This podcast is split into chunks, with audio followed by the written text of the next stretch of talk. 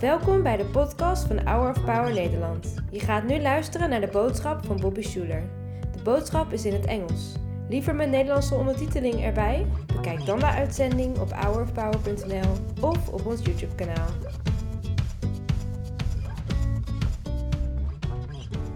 No matter who you are, we're so glad you're here. Would you stand with us? Hold your hands out like this as a way of receiving from the Lord. Let's say this together. I'm not what I do. I'm not what I have. I'm not what people say about me. I am the beloved of God. It's who I am. No one can take it from me. I don't have to worry. I don't have to hurry. I can trust my friend Jesus and share his love with my neighbor. Thanks. You can be seated. Jesus Christ laid his life down for you that you could live at peace with God and be full of the Holy Spirit. In life, so many of us have a positive view of maybe religion or God or Jesus or Christianity or some other faith or whatever. We never make a decision. You never say, This is for me. I want, you to, I want to invite you into a personal relationship with the Lord Jesus Christ. I want you to know him. I want you to wake up to him and go to sleep to him. And the way to do that is to trust your life to Jesus Christ. A lot of people say, I don't know if I believe all that. Here's something you can do. Does 1% of you believe? Maybe 99% says, I don't know if there's a God. I don't know if I believe all that rubbish. That seems all fake. It's fairy tales. But one of you, 1% of you says, well, there was that one time when, or I remember when, or I've got this feeling that. If you take that, that 1%, and you give it to the Lord, I promise your life will never be the same. Jesus says if you have the faith of a mustard seed, you can move mountains. Anything's possible for you when you go from living in the flesh to living in the spirit, when your whole life is transformed. Do you have a mustard seed? The first thing we need to believe, whether we're Christian or not, to become full of power, full of life, to do all that we've been called to do is this. The first thing we need to believe is that we are made in the image of God. We are made in the image of God. We are His children. And that image is not just our physical body, it's what's happening on the inside. We were, as we could say, born for greatness. I think every human being at one point in their life believes that their life was meant to be great, meant to be meaningful, to make a difference, to leave the world better than when we came in. That comes from the Lord. That's a good thing. That's something that should be nurtured in a church and in a community. It's something I want you to grab hold of a great life. You have a responsibility to be all that you can be. I say this often, but you have two choices to be less than you can be or to be all that you can be. Become all that you are called to be. Here's how you get a great life greatness happens when you get something greater in you. When you get something greater in you. The world likes to point to the things on the outside, but God sees the stuff on the inside first. The world likes to point to the crops, but the Lord likes to point to the seed. What is in the ground? What is being tended to? What's inside of you? And this is what makes the difference. It's the thoughts that make a difference in your life, it's the ideas, it's the spiritual power. The way your thinking goes is the way your life will go. The more you think about something, the more your life will become like that thing. It is the philosophy that makes the difference. Not your age, not your health, not your financial situation, and not even your education. It's your philosophy. What do you really believe about the world? And that brings us to Jesus Christ. For me, I think that this is a story we're about to see a, a miraculous story, a miraculous story about a miraculous man who invites us into an, a miraculous life that is always made available to us despite how we feel, despite what's going on to us. There is this whole other world behind the veil that's made available to us. Now, uh, Hannah read Matthew chapter 9 and did a great job, but I'm going to retell this story because it tapes up the whole chapter. I'm going to bounce back and forth between the three accounts we see in Matthew, Mark, and Luke. Begins like this Jesus has just cast a bunch of demons into swine and launched them into the sea. And then after this act, he jumps into a boat, crosses the Sea of Galilee, and the Bible says goes back to his hometown. Now, his hometown is actually not Nazareth, even though he was, you know, kind of raised there. His hometown is Capernaum, what you'll see is if you go there is a small fishing village with lots of houses and some buildings.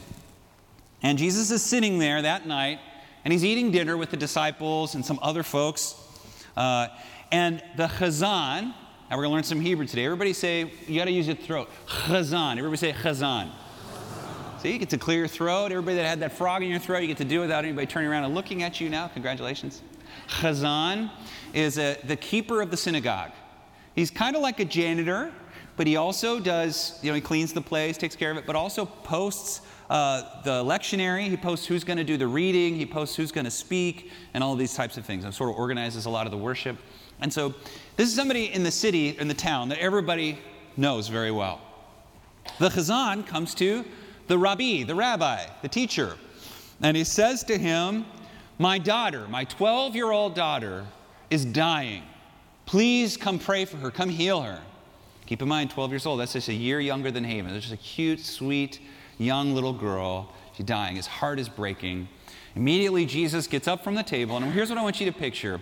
The walk from where he's eating is probably something like 500 feet, not very far. He's literally walking across just a, probably a courtyard and a few alleys. He's going to be right there. As he gets up to walk and he steps out of the house, he gets swarmed with people, right? Because he's a super famous guy. He's walking and he's being pressed on every side. And as he's on his way to go to Jairus' house to see his daughter, the Chazan, a woman nearby sees an opportunity. She's been in bondage for 12 years, a bleeding disorder. She's seen every doctor, she's tried everything, but something tells her this is her opportunity. And she says to herself, If I can just touch the hem of his cloak, I know I'll be healed. Now, that hem is probably these, these tassels that Orthodox Jews even wear today. You might see them if you go to Israel. They, they kind of like hang down by the knees. And these are, there's 10 of them. That's a symbol of the 10 commandments. I like to think that that's what she's reaching for. It's actually a symbol of God's word, of God's command, God's faithfulness. She says, If I can touch that, I know I'll be healed. I like to think, and so here's Jesus being pressed on every side. I like to think she's crawling. Maybe she's on her hands and knees. She has no dignity. She does not care at all. She's going to touch this guy and she's going to get healed. And she touches him, and boom, she's healed instantly. And then Jesus says the funniest thing. Do we have any scholars in the house? You remember what he says? Who touched me? Hilarious. Right? He's literally like, who touched me? Right? This kind of thing. And Peter says the obvious, uh, Rabbi, everybody's touching you. He says, No, no. I felt power go out of my body. Isn't that interesting? I felt something go from my body into someone else.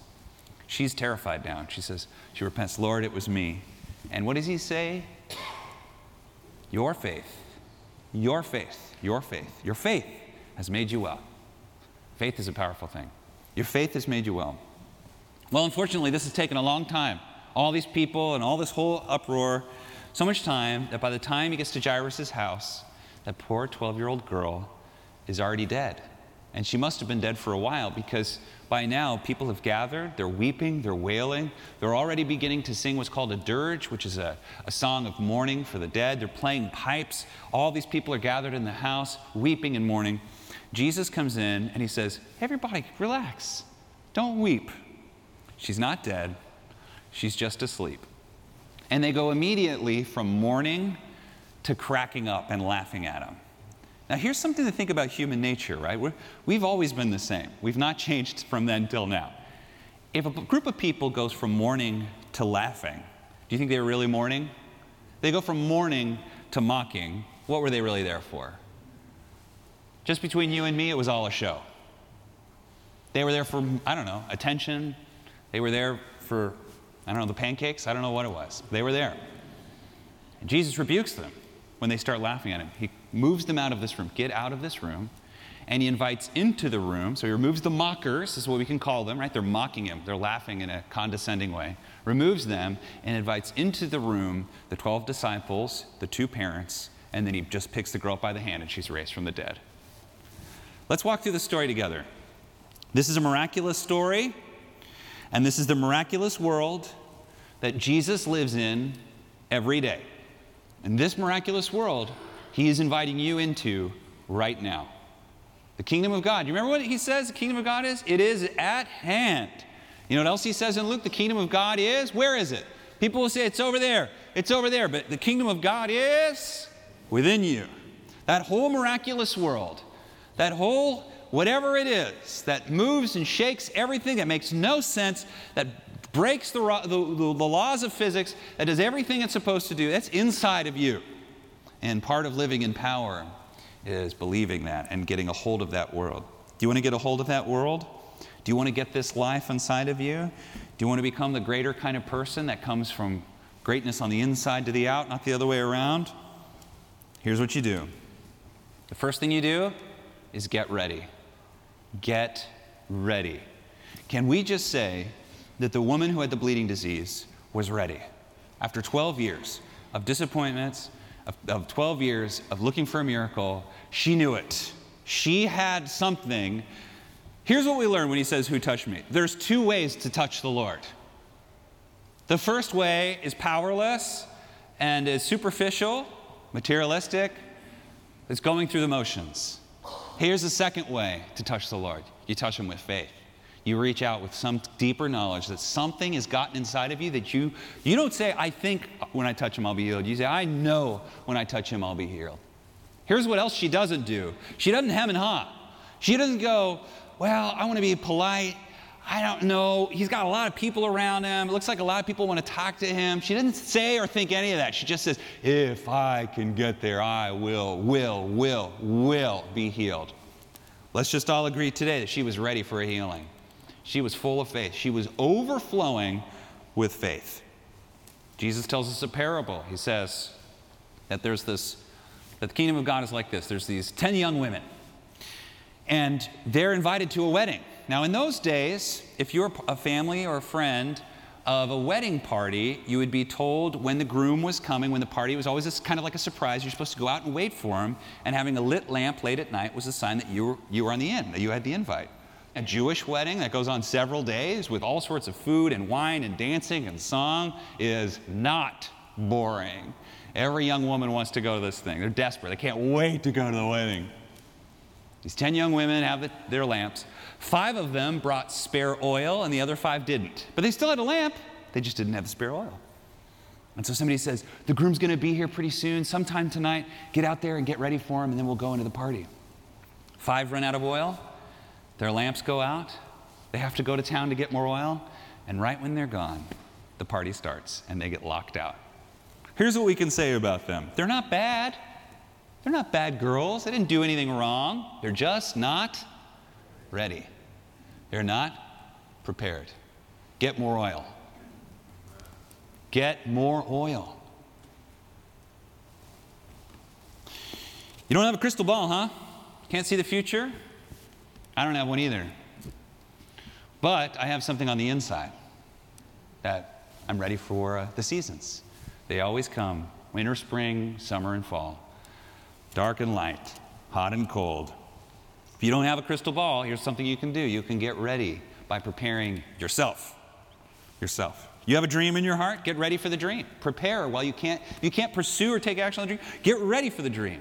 You want to run a marathon? You have to. Get ready. You have to diet. You have to run. You have to prepare. You can't just go out there and run it. You want to build the world's greatest ice cream stand? Get ready. You got to know a lot about ice cream. You got to know how you're going to beat Ben and Jerry's and Salt and Straw and McConnell's, M double C O double N E double L McConnell's. How are you going to do that? It's the best one. You got to know everything there is to know about ice cream. You got to get ready. Doctors are ready. Pastors are ready. At least today I'm ready. Architects are ready. Writers are ready. You want to write, you want to do art, but you're not going to do it right now. Get ready. When everybody else is watching TV and on Instagram, you fill that tank with oil. Here's a way you can reach someone for the gospel. You can have a lot of stories and testimonies. Here's a, a, skill you can develop, and no matter what field you are, you can pitch an idea. We call that selling. It's hard to do. You say, I'm an art, artist. I don't need to sell. Any professional artists in here? We all know you got to sell your painting, your song. Learn to lead, learn to communicate, and read the Bible every day. Fill your tank with oil. So, number one, get ready. Number two, get in. Get in. Get in the kind of place, the kind of space, get around the kind of people that really want you to become all that you're born to be. Get around the kind of people that are just like how you want to be.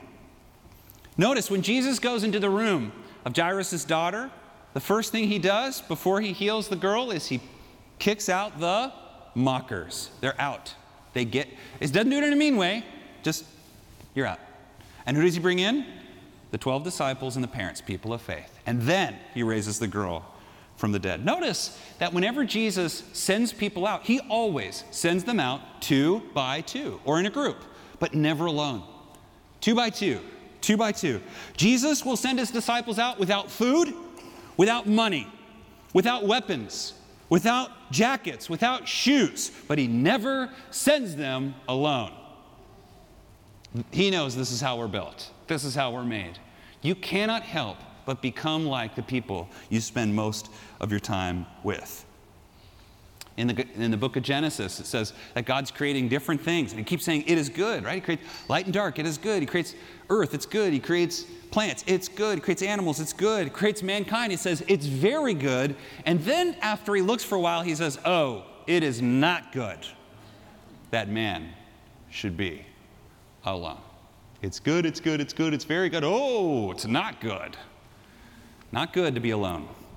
Not good because in other people that are great people, binding your heart to them, yoking yourself to them. This is why church is so important. This is why small groups, a rooted group, get in a rooted group. This is why these types of communities are so helpful and why bad groups are so harmful. Here's one way to think about it don't hang around people you'd feel embarrassed to tell your prayer, your dream, or your testimony to. It's that simple. If you'd be embarrassed about it, you want a bigger prayer life? You want, a, you want bigger dreams? You want to accomplish more with your life? You'd be embarrassed to tell people about the dreams you have? Those people are not going to help you achieve those dreams. Love them, care for them, but get some powerful people around you, good people. They want to be around you, trust me. All right, number one, get ready. Number two, get in. And finally, get going. Get going. Bleeding woman, she didn't just think, if I touch Jesus, I'll be healed. She did it. There was a man who was, couldn't walk. She knew, he knew Jesus was in the house. He wanted to get to him. He had his friends remove the roof and lower him because he knew if he could just get to Jesus, he'd get healed. With your dream, with your prayer, with your life, with all that God's called you to do, strike and strike with everything. And strike as long as it takes to get it. Strike! Strike while the iron's hot. Cortez, when he landed on the shore, famously had 600 men, was outnumbered, and decided to burn the ships. He said, If I burn these ships and these men know they have nowhere to go and they have to fight for their life, we will win. We he burned the ships. Now, that's not always wise, but to have in your mind an idea of a I'm going to win, burn the ships kind of attitude to whatever your dream is, I promise you it will help you. It'll help you. Strike with all that you've got. Remember, when God created the garden, He didn't say, I will tend to this garden myself. No, He created Adam and Eve with the purpose of tending to the garden. We have all been created to do something great with the Lord. It's inside of us. Get ready, get in, and get going. And you'll be very glad you did. Lord Jesus, we ask in your name that you'd give us a fresh vision for our lives. We rebuke the fog that would draw us into other things that would draw us away from your calling and your dream for our lives. Lord, we love you so much. We're so thankful that your presence is here, and it is in the strong name of Jesus we pray. All God's people said, Amen. Bedankt voor het luisteren naar de podcast van deze week. We hopen dat deze boodschap jou heeft bemoedigd. Wil je meer weten over Hour of Power of dagelijkse bemoedigingen ontvangen? Ga dan naar www.hourofpower.nl.